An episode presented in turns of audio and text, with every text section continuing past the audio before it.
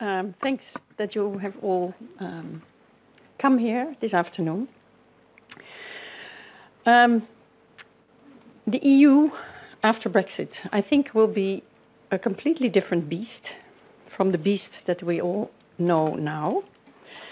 Um, there will be, I guess, more cohesion uh, in the European Union, and there will be new alliances across uh, the continent. They won't be easy alliances, but they will be there because there's no alternative. And I think, uh, in that sense, um, let me start by saying something very provocative. I think, in that sense, Brexit is a good thing for the EU because she was stuck before. I'm not sure all the Irish will agree, though. um, Brexit will completely change politics as it is conducted in a mechanical way, uh, because it is there's a lots of mechanics there um, till now. And the first inkling I got of that is about a year ago, a little over a year ago, when um, the London think tank Chatham House uh, phoned me up and they said, Can you please come to London and do a briefing on um, how the Netherlands will help us out during the Brexit negotiations with Brussels? So I thought, how the Netherlands will help the UK out? I could imagine actually the question because the Dutch I mean, I left the Netherlands in 1994 and I never moved back. But still, it's the country I know best, I guess, um, or almost best. The Dutch are very, very uh, Anglophile. We live on the continent. We're a province of Germany. We're not the only ones, of course. And at the same time, we always like to be with our backs against Germany, looking at the UK because we love everything Atlantic and transatlantic. Um, it was, after all, the Dutch who got the UK into the European Union in 1973, and they tried three times. And in the end, they, they managed to overcome uh, uh, French vetoes. From the moment the UK entered uh, the European Union, the Dutch were happy, happy as babies because they live with one leg uh, on the continent in the economic reality uh, of being a, little state next to Germany. And we have the big German port, after all, in, in Rotterdam. Uh, on the other hand, we dream of being uh, in a, some kind of a transatlantic uh, mindset. So, for the first time since uh, European integration started after the Second World War, the Dutch had both worlds um, united in a way, with the UK in. And this was the time that everybody remembers best about the Netherlands uh, in the EU. People always ask me, um, how come there's so many Eurosceptics in the Netherlands? You love Europe, don't you? We know you as very, very uh, happy about Europe. But this memory goes back only to 73 because this is when the Dutch were very happy uh, in the EU, jumping into Schengen, jumping into uh, the Euro project. Everybody um, lost their reserves because the UK was there too, so nothing bad could happen to us anymore. So I expected actually going to The Hague, um, talking to people in all kinds of ministries. I expected to get some clues about how the Dutch would be able to, you know, or wanting to at least help the British out during its Brexit negotiations with Brussels. I was entirely wrong. What I heard everywhere was a big, big, big no in capital letters. We're not going to help the British out. They were very strict. They said if we allow the Brits to do cherry picking, there will be a lot of people in the Netherlands and maybe other countries too that will say, hmm, look, the Brits are doing well outside the EU with all kinds of nice goodies. We want out too. So, in a way, it was self preservation, I think. It is. Um, I hear also from Brussels that, that the Dutch are very, very firm. Uh, they're, they're very happy with uh, Mr. Barnier negotiating with the, uh, with the UK, although the Dutch, and this is something that never changes, I guess, when something goes wrong in, in, in, in, in Europe, they always blame the French. They never trust the Frenchmen, even if they smile at them and they, if, even if they manage to agree on some issues. But no, this time they're firmly behind Barnier. Um, they are also, uh, so the first reason is no cherry picking, because this might unravel the whole thing. The, the second thing I heard is like how everybody all of a sudden, because they had been looking uh, two ways to help the UK, maybe, how everybody all of a sudden realizes that everything we have, the whole structure, you know, from aviation to uh, veterinary systems to um, uh, Euratom, for instance, uh, the nuclear story, how everything is European. And this has nothing to do with ideology. This has nothing to do with with with with um, morale or anything. It's just very on an operational level. And if, for instance, the Dutch would like to help the Brits on aviation, then tomorrow maybe Poland or Germany would, you know, try to strike its own deal with the UK as well on a different field, say the veterinary field.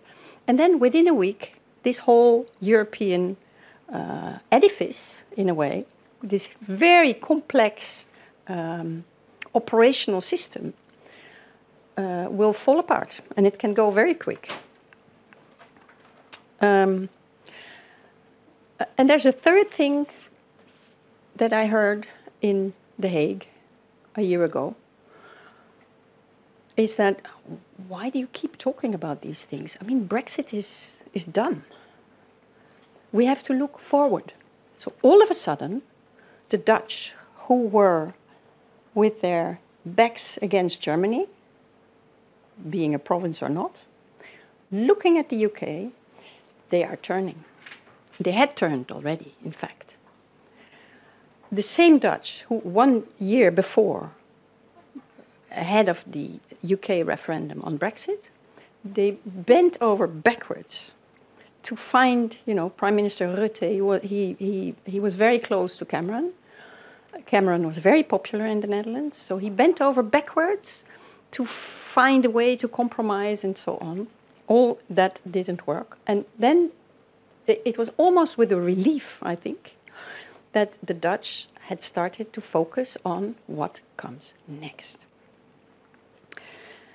Because what does Brexit do?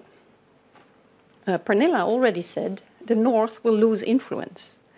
In fact, it will lose if the uh, when the UK uh, leaves, it will lose 12% of its voting power in Brussels, which is a lot.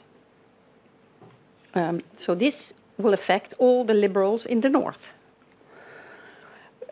As a consequence, the south will probably, whether they use it or not is a different issue, but potentially they will become stronger. And this is, of course, not what the Nordics want. In order to make up for that 12%, they will have to look for new friends and allies all over Europe. So the whole game of pushing something in Brussels or blocking something in Brussels or try to bend things in Brussels your way in terms of decision making, those games are completely changing. Not only for the Nordics, but also, for instance, for the non Eurozone countries who are always anxious to see what the Eurozone is doing. For instance, uh, concerning banks, and who are always desperate to make themselves heard. And sometimes they have, of course, legitimate worries. And they always used the UK as their big tutor to slam on the table and make even France and Germany listen. I mean, the Czech Republic on its own will never manage, or Sweden will never manage to raise their voices like that. I mean, they can raise their voices, but nobody gives a damn, probably or not really. Um, even France and Germany will be affected. Germany very often used the UK against France. Those étatistes in, in, in, in, in Paris. Likewise, the French often used the UK against those legalistic Germans, you know. So all of them will have to conduct their uh, political ball game, as I call it, in a different way. So what you see now is most of the governments in the EU are totally, because of Brexit, getting out of their comfort zone. They have to look for new ways of negotiating and, and, and ganging up in Brussels. You see all kinds of new groupings emerge, which maybe are not really new, but some are totally revitalized. So you have this Hanseatic group in the north, um, which now also includes Ireland. There was even talk of Belgium joining, can you imagine? There is the new uh, Mitteleuropa, which is the heart of Europe, which never exists till, until there is an East and a West again, which are uh, at loggerheads or, or a little at loggerheads. And then the Mitteleuropa uh, emerges again to be sort of a buffer, because when the two are clashing, they lose out, of course, in the middle, which is this, uh, true for the Czech Republic, for Austria, where I just spent four years for uh, Slovakia, Slovenia, and so on. Then there is the revival of the Benelux, which has been alive and dead uh, for most of the past decades. And for instance, the Dutch are not only actively using the, the, the, Nordic group to push certain issues and to provide a counterweight to Germany. Germany is always making deals with France. Everybody knows this. This is the heart of the EU, the soul of the EU, even, because it was those two who were always looking for dominance on the continent and then ending, ended up fighting and destroying everything in the middle. Um, I think the purpose of the Nordic group is very much to make sure that th- those compromises between that Germany is going to make with France. We all know that's what Europe is about, but still we don't like it, you know. So the Nordic group is trying to bind the hands of Germany behind its back so that it can't go too far in those compromises. Um, at the same time, the Nordic group is not, it, it's, it's big, but not big enough. So if the, the, the Netherlands, for instance, they don't want to be pushed in this Nordic corner too much. So at the same time as you know joining the Nordic group, they made sure to revitalize Benelux as well. So the Benelux is uh, the Netherlands, Belgium, and Luxembourg. Belgium and Luxembourg are very almost federalist European countries, totally different from uh, from from the Netherlands. Um, if one day Europe goes down the drain, which I'm not sure it will actually, but if this once happens, I think Belgium and, and Luxembourg will be the last to turn off the lights. The Dutch certainly not.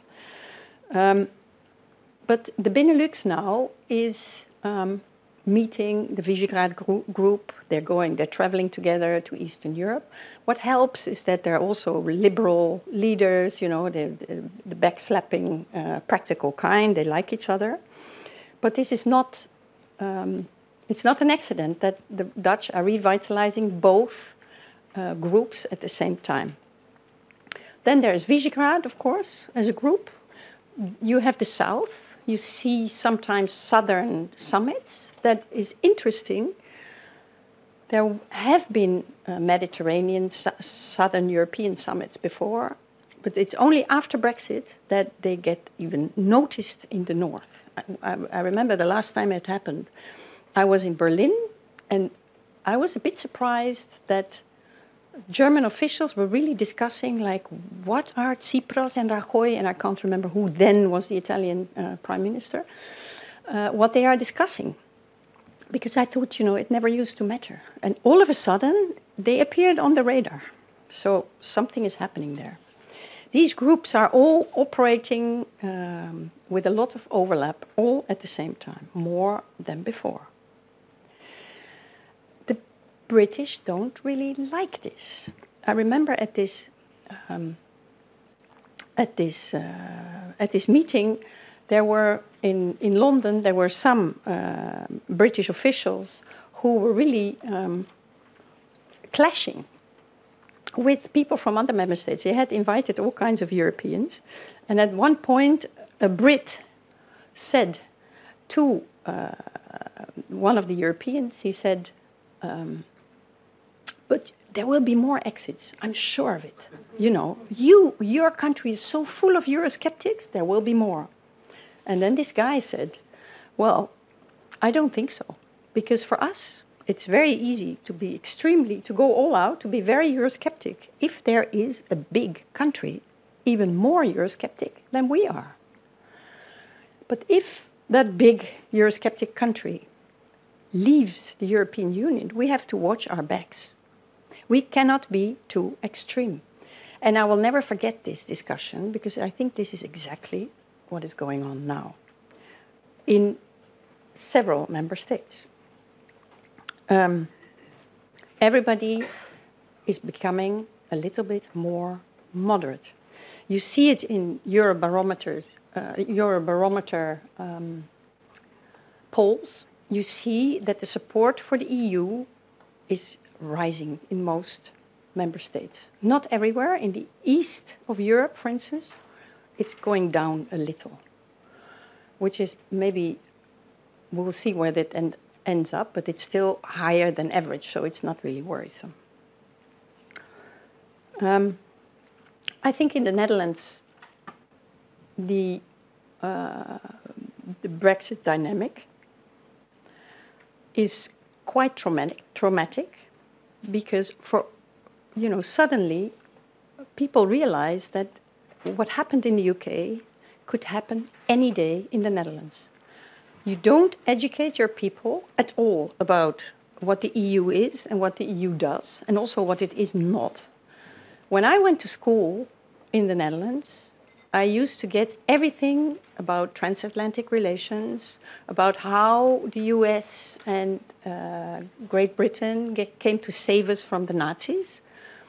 Not a word about Europe. And this is not only the case in the Netherlands. Um, I'm told that in some Swedish schools, the word EU is not even pronounced because uh, there's still a, uh, about half of the population who were against uh, joining the EU at the time.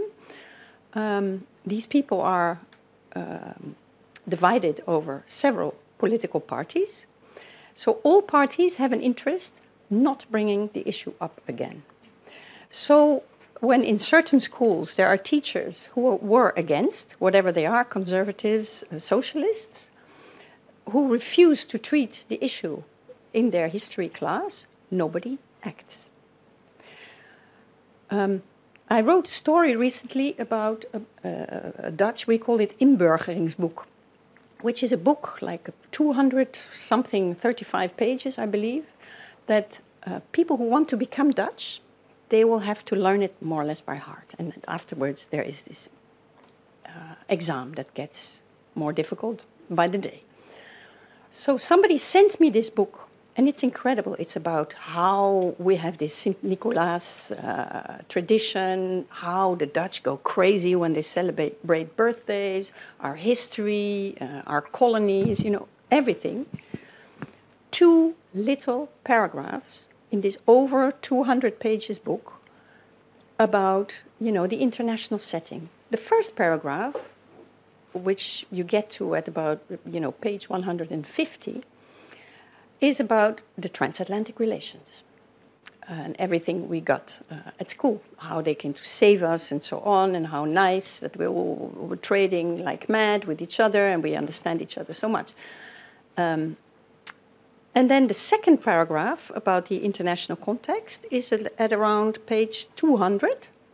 And it says literally, it's, it's like four lines, it says literally that we have some economic cooperation with other uh, nations in Europe, um, that uh, some of these countries are also using the same currency called the euro, and that's about it. Then they go back to the to the birthdays or the Black Peter discussion that we had uh, have forever.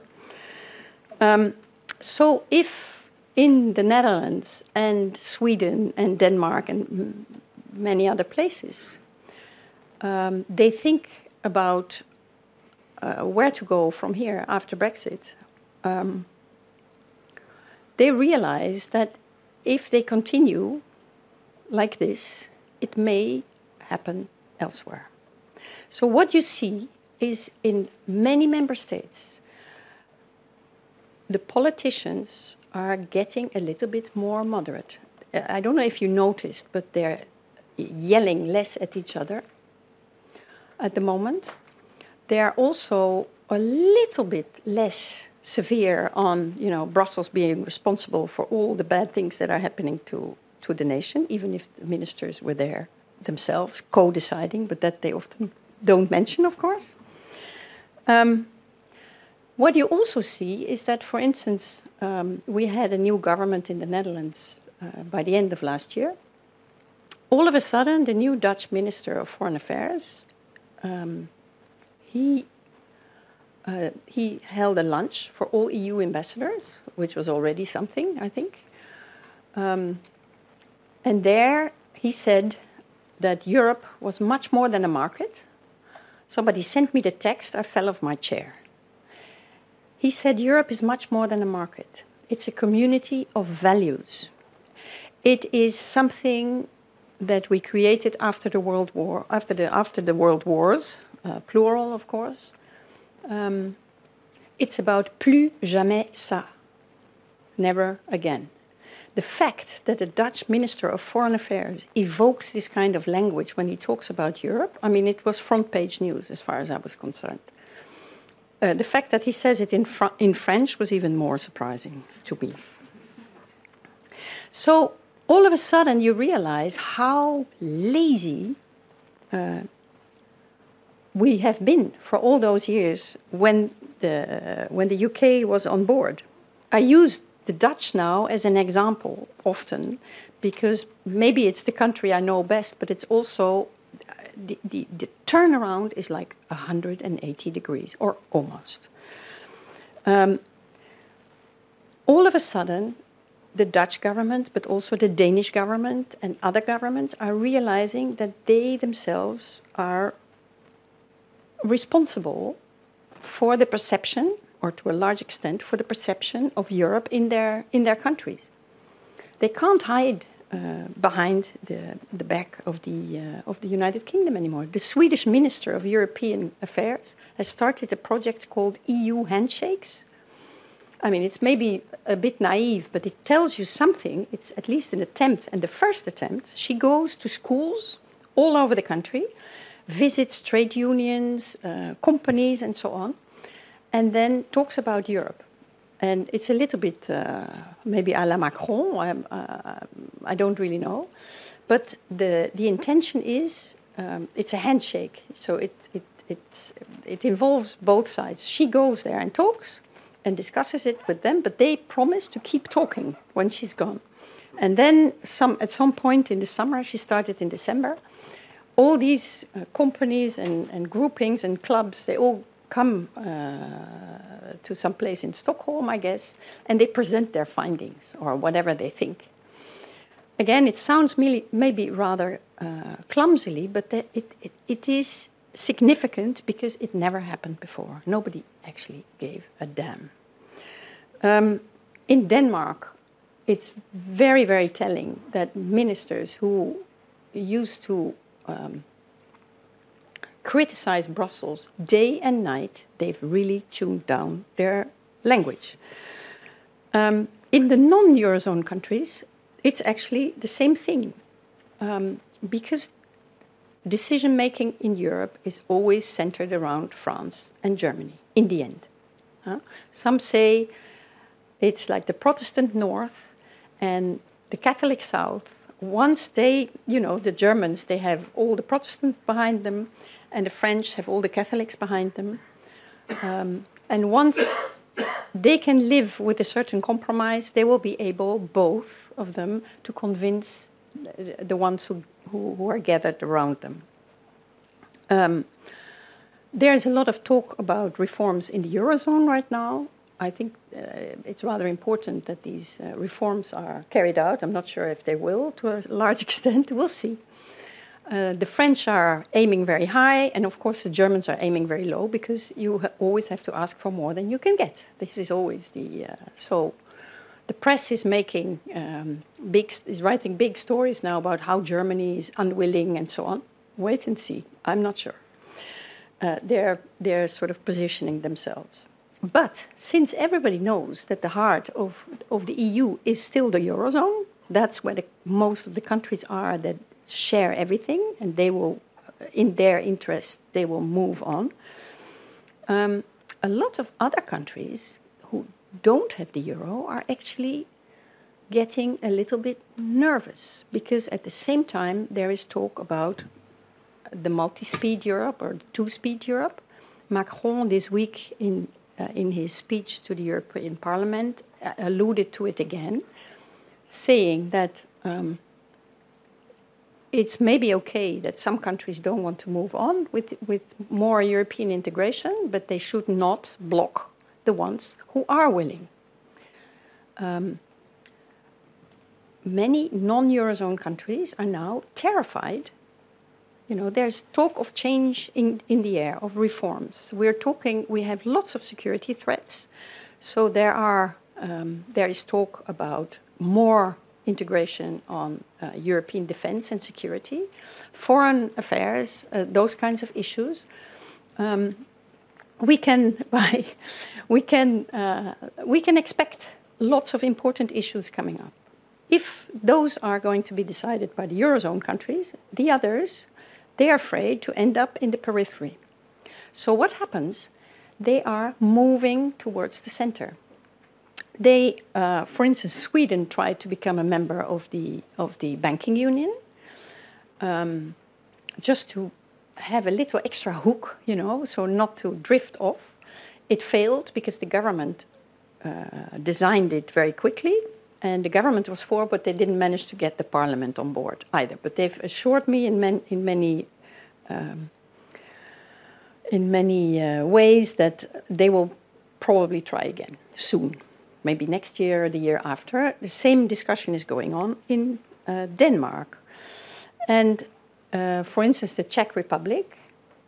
Um, they are trying to get monitoring status, which is a, a different trick to, you know, to remain close to the, to the, to the center. Uh, they want monitoring status with the Eurozone. I don't know exactly what that means. I'm, I'm, not sure they know it themselves. I've asked several Czechs and I've never had a, a, satisfying answer. I don't think they will get it anyway, but it also is a signal like, um, you know, we can't keep up entirely, but we don't want to lose um, track. And it's very understandable if the Netherlands is, a, is an economic province of Germany, I mean, the, the Czechs are even more of an economic province of Germany. Lots of uh, production, uh, industrial production. You know, the assemblage is done in Germany, the putting together of the parts, but the, the factories are in, um, in uh, the Czech Republic. So they better keep, you know, close to the Eurozone. Um, so you can say actually that most countries are moving towards the middle, not because all, all of a sudden they've fallen in love with the, with the e European Union, but just out of necessity. Because if you want, and this is the trick, of course, if you want to be heard in Brussels, you can't afford to be too far off. You need friends, you need, uh, you need to compromise, you need to keep closer to each other. Um, so the um, I would say the polarization in Europe, and we've seen lots of that eh, over the past 10 years. We had the banking crisis, we had the euro crisis, economic crisis, refugee crisis. It was a permanent state of crisis that we lived on, and I spent most of those years in, um, in Brussels reporting about it. Uh, it drives you crazy. And the only thing you want is less of that uh, crisis.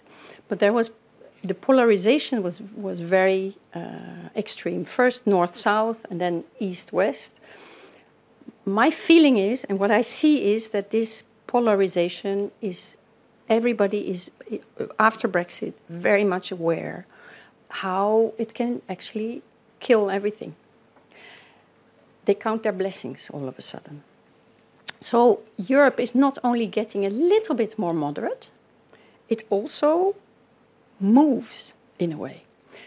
When you come to ministries in whichever member state, they're all full of people who understand now that there's a new ball game going on, new political ball game going on, and they all want to be good at it.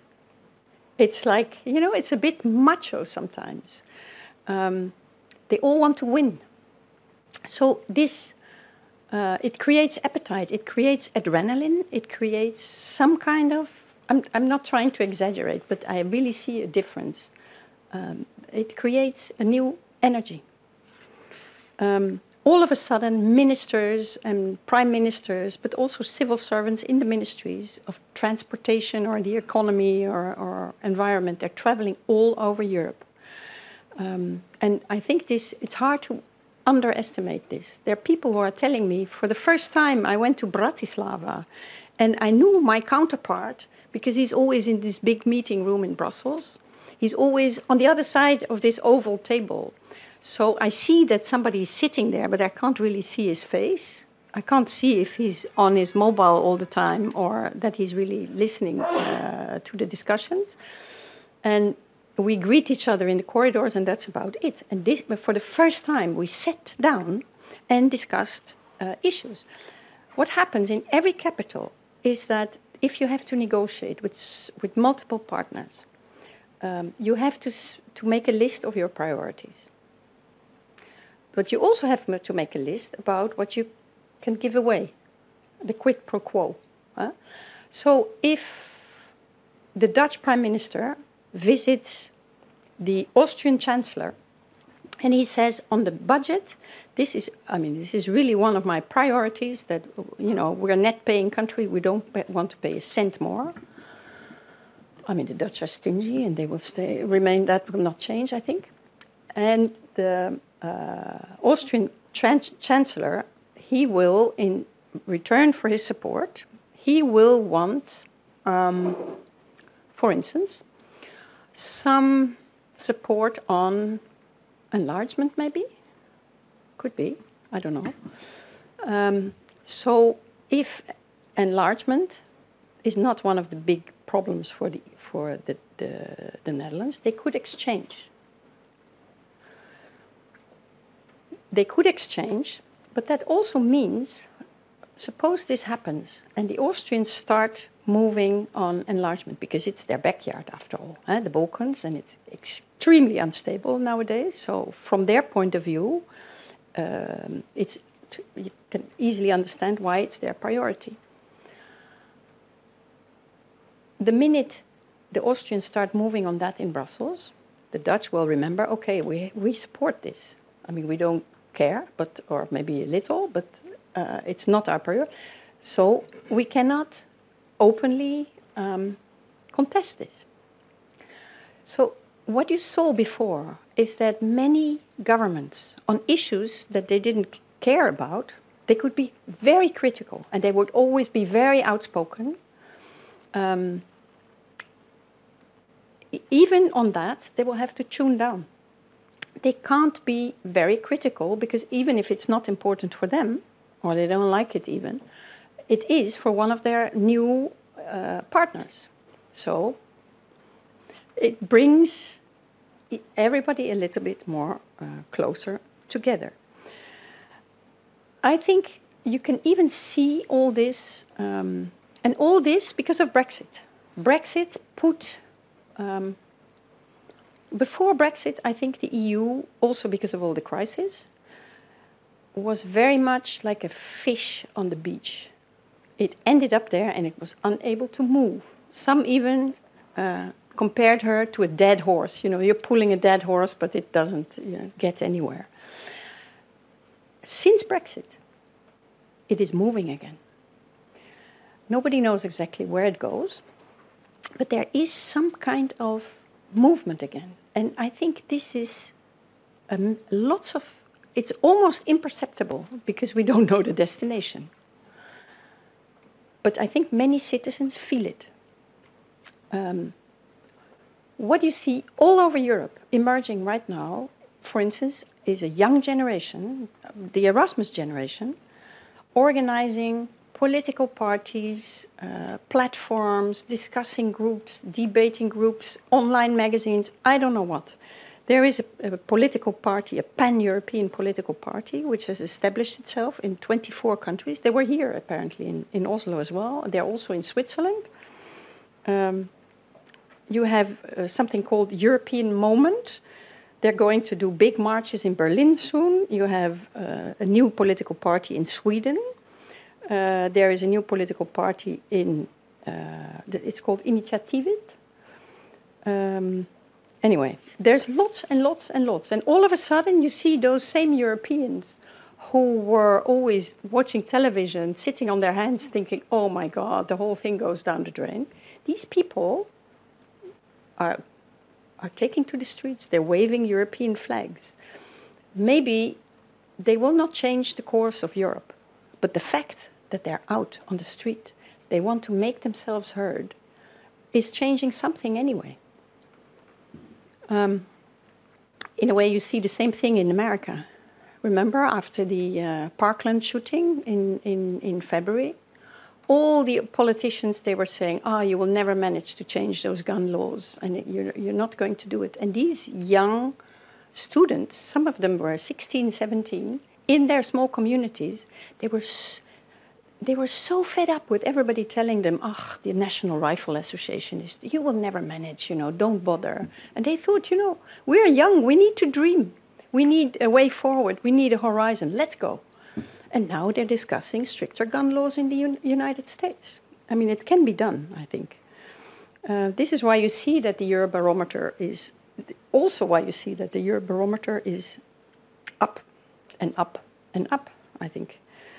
Um, people are maybe not happy with the EU, but at least they're happy in the EU. Um, now, we have a little bit of we've had a little bit of everything. Um, Norway, maybe. uh, no, let me say a little uh, uh, now. The member states are negotiating a divorce agreement with the UK. It's still easy. Why is it still easy? Everybody's surprised that they agree about so many things. I'm not very surprised, actually, because there's not much to negotiate about. The EU is a community of law. So we're all different and we all have different hang ups. We all have different demands and wishes and, and traumas. Um, but the law is the same for everybody.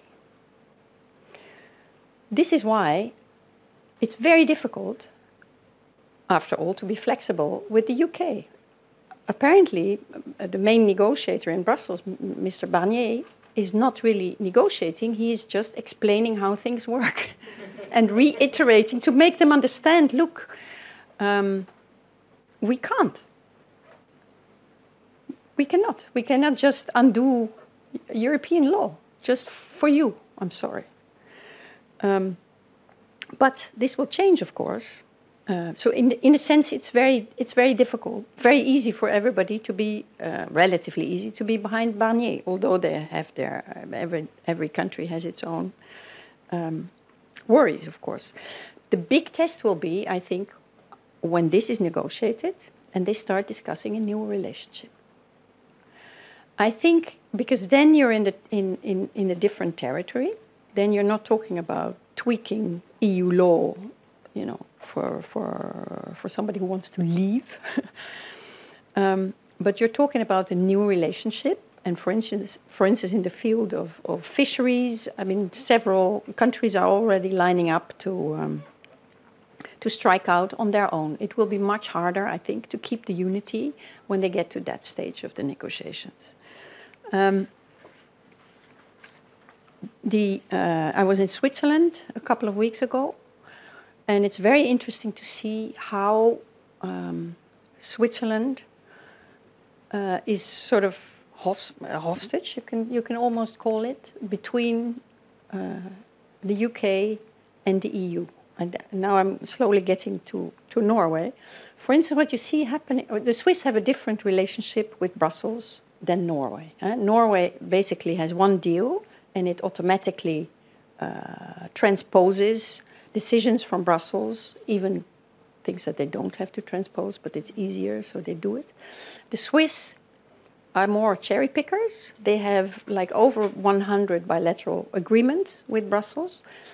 Um, and they're notoriously difficult. I've lived in Switzerland too, so I've reported on many of those. Uh, uh they're always creating problems about money and, and, and everything. um, and now this, it's like a fragile uh, set of bilateral accords that the Swiss have uh, with Brussels. And if one of the parties undoes one of the accords, all of them uh, are terminated automatically. So, with all the Swiss referendums, um, everybody's permanently on their toes. So they're now negotiating with Brussels about how to put everything in a more solid framework, in a way not exactly the same, but in a way like it is with Norway, so that you don't have you know hiccups every day or twice a day. Um, and what you see now is, for instance, that the, the Dutch, uh, the, the, the, the EU finds it very hard to be flexible when you negotiate, both sides have to be a little bit flexible because otherwise you, you can't do anything. For the EU, it's very difficult to be flexible, to show some flexibility with the Swiss because of Brexit. For instance, the Swiss, uh, although they're not in the EU, they're participating in almost everything. They're more in the EU than, than the UK is. This is the big irony of the story, of course. Um, so the Swiss, and we are like-minded anyway. So often, when there was a meet, when there's a meeting, was a meeting in Brussels on some issue, um, they would let the Swiss in.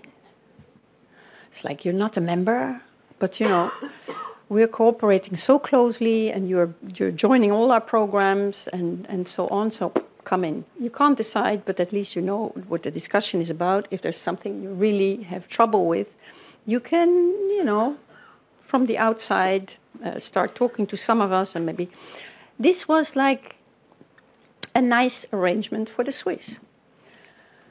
Now, the Swiss are telling me that they're not allowed in anymore. Because, of course, the EU is afraid if they do this, then the Brits will say, ha, if the Swiss are sitting there, we want to be there too.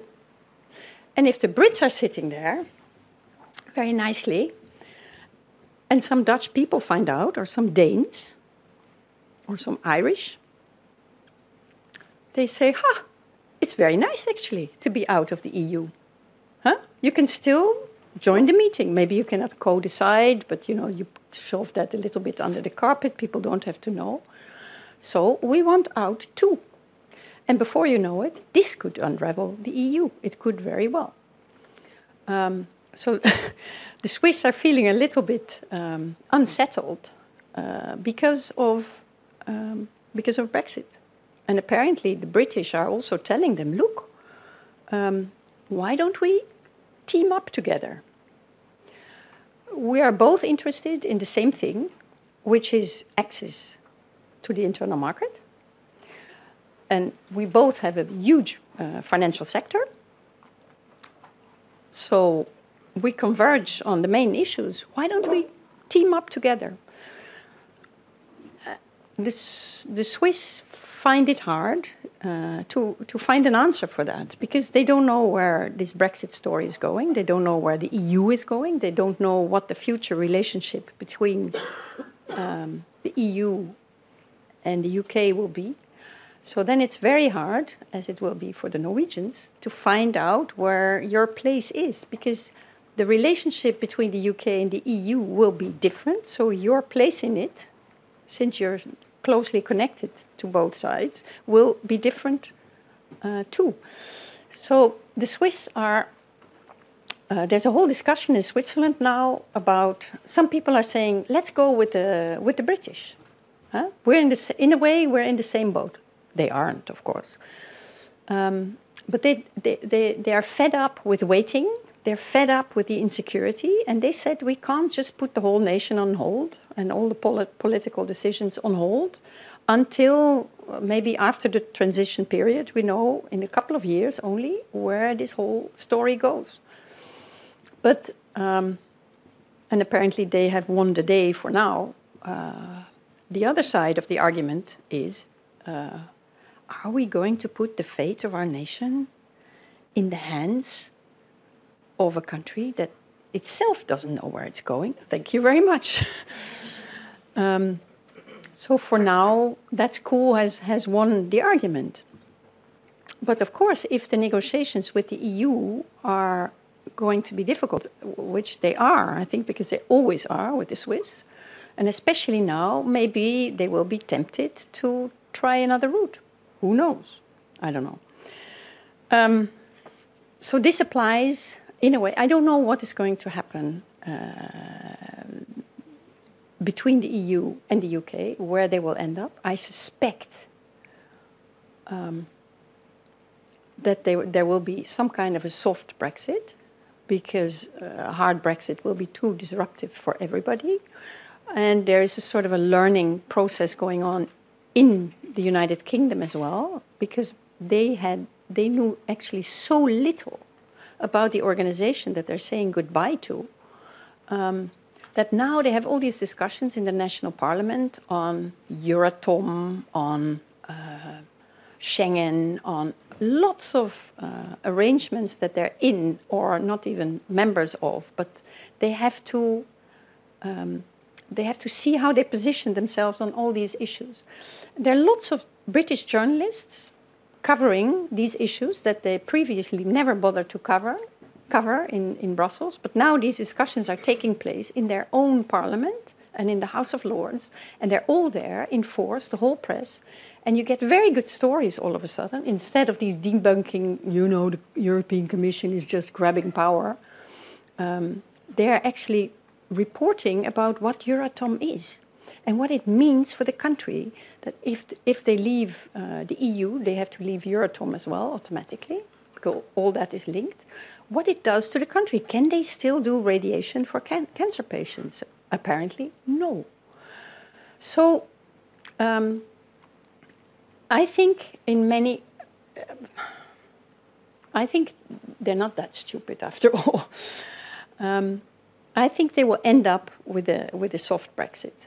If there is a soft Brexit, it will be, I guess, it will be relatively good for Norway. Um, there will, won't be any need for the for the UK to join EFTA or something like that. You know, all of a sudden you will have a big country dominating EFTA entirely, uh, which would upset the Norwegians, I think. Um, what I also think is that um, there is there is room for maneuver on defense and security and foreign affairs issues. That is um, not really EU law. There, uh, there you can move much more. There you can compromise. And there we actually, on the continent, we also need uh, the UK very much, especially in this current climate. Um, with all kinds of security challenges and defense challenges that we haven't, haven't had in so many decades. Um, we've become pacifists after all, but the UK has not. So maybe um, they're members of NATO. There, this could be a field where, you know, while it, it, it's hard to compromise on EU law, I think on, in this field uh, there's a lot of uncharted territory, and we can actually uh, do a lot together, um, which would also be good for Norway, of course. So there are many scenarios open. Uh, I don't know which one. Um, uh, which one they will choose in Brussels and in London. It's not going to be uh, very easy, but it, somehow uh, my water tells me that they will that they will get there without too much uh, damage. So there won't be too much damage for Norway either.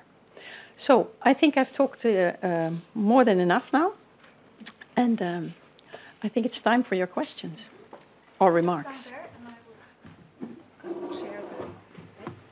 Okay, thank you so much for a very interesting uh, talk. It was uh, interesting to, to listen to you how you kind of have met all these people and you can you can mm-hmm. kind of feel the trends. Um, and it's also a perspective that is not so common here in Norway. So thank you for that. Um, uh, please sing, sign up. I have two questions to start with. So while you answer those, uh, okay. uh, the first one is, is um, you talked a lot about um, uh, kind of uh, that Brexit will lead to a move towards uh, more uh, support for Europe, in a sense, in all these countries. But you, you talk mostly about the, the, level of politicians and elite, and that they have to now realize that they have to educate their own people mm -hmm. in order to avoid uh, an uh, exit of their country or a similar, similar kind of process. But at the same time, I think one thing is to educate people, another thing is to kind of deliver. Uh, and for the EU to be taken seriously in the long term, uh, to not have a new kind of crisis, um, the EU has to reform itself and manage to deliver on key concerns. And that concerns, of course, unemployment, security. Uh, and these kind of issues. So that is my first question. And the other question is more on um, it's it's uh, the relationship to third countries because um, you said that it might be uh, that the EU becomes tougher on, on, the relationship to third countries in order to avoid uh, more exits. Um, but at the same time, you could also uh, say that that the EU has to have a different relationship to third countries in order to um, have more support for the integration process. That the distinction will be more between those who support the integration process, like actually Norway does in many ways without being member, and those who do not support the integration process or are critical and, and uh, maybe not so constructive, but inside the EU, because you have countries in the EU that actually uh, could be considered as difficult members still mm -hmm. still after after yeah. Brexit. so so I wonder with these two questions are my questions, and then I, will uh, I'll, I'll let you start with that, and then uh, then open up for for others. Yeah. Uh, you're totally right, of course. They have to deliver. And I think this is something that they're all very much aware of. Um, delivering, but part of the delivery is also that you don't beat, about, beat around the bush about your own uh, decisions in Brussels. You know, governments always, um, in, in, Brussels, you can't take any decision without uh, member states agreeing to it. Sometimes it's three quarters, sometimes it's unanimity, it, it changes a little bit. Um, but often governments, they just pretend it is Brussels deciding something like that um, as if they had not been there and, and had been negotiating there for many years. I think um, most of the citizens don't even know that, you know, when they rally against uh, European institutions.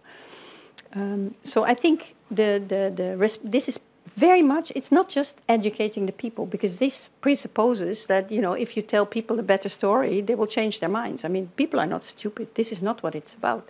It's about governments assuming their responsibility. That's what I meant. Uh, and of course, part of that responsibility is that they have to deliver. But they also have to change, uh, they, they will have to change the, the way they talk about what they want to deliver. Um, so it goes hand in hand, I think. Yeah. Your second question, I'm not sure I understand it very well. It's more the relationship um, to third countries because you you you you, you mentioned that the EU might be tougher with third countries, and of course uh, that as a result of Brexit. Mm -hmm. But one could also imagine that there are so so much. I mean, this goes very well together with your argument that the you, all European countries and member states go closer together and more to the core and getting more European. Yes we see now that this is not the case. I mean, you have Hungary, you have Poland, you have a lot of countries that are quite skeptical about where the EU is going still. So you could see that for in order for, for Germany and France to, to, to succeed in their integration endeavor, that they actually need support th from third countries that are in support of this process. And, and this is, of course, Norway is a very particular case in that sense because uh, we are very much supporting, uh, at least uh, on a political level, the, the process in the EU. Even Nor Norway has a policy towards the, the neighborhood, the, EU, the EU's neighborhood which is very much in line with, uh, with the EU, and we actually support and help these countries with uh, with kind of managing to to mm -hmm. um, to comply with the criteria of EU membership. And even though we want to stay out, so it's a bit uh, paradoxical. Yes. So that's that's why I, I, maybe you could see this trend as well. So so not this kind of member non-member, but more kind of pro-integration as such, or. Mm -hmm. But you stay out.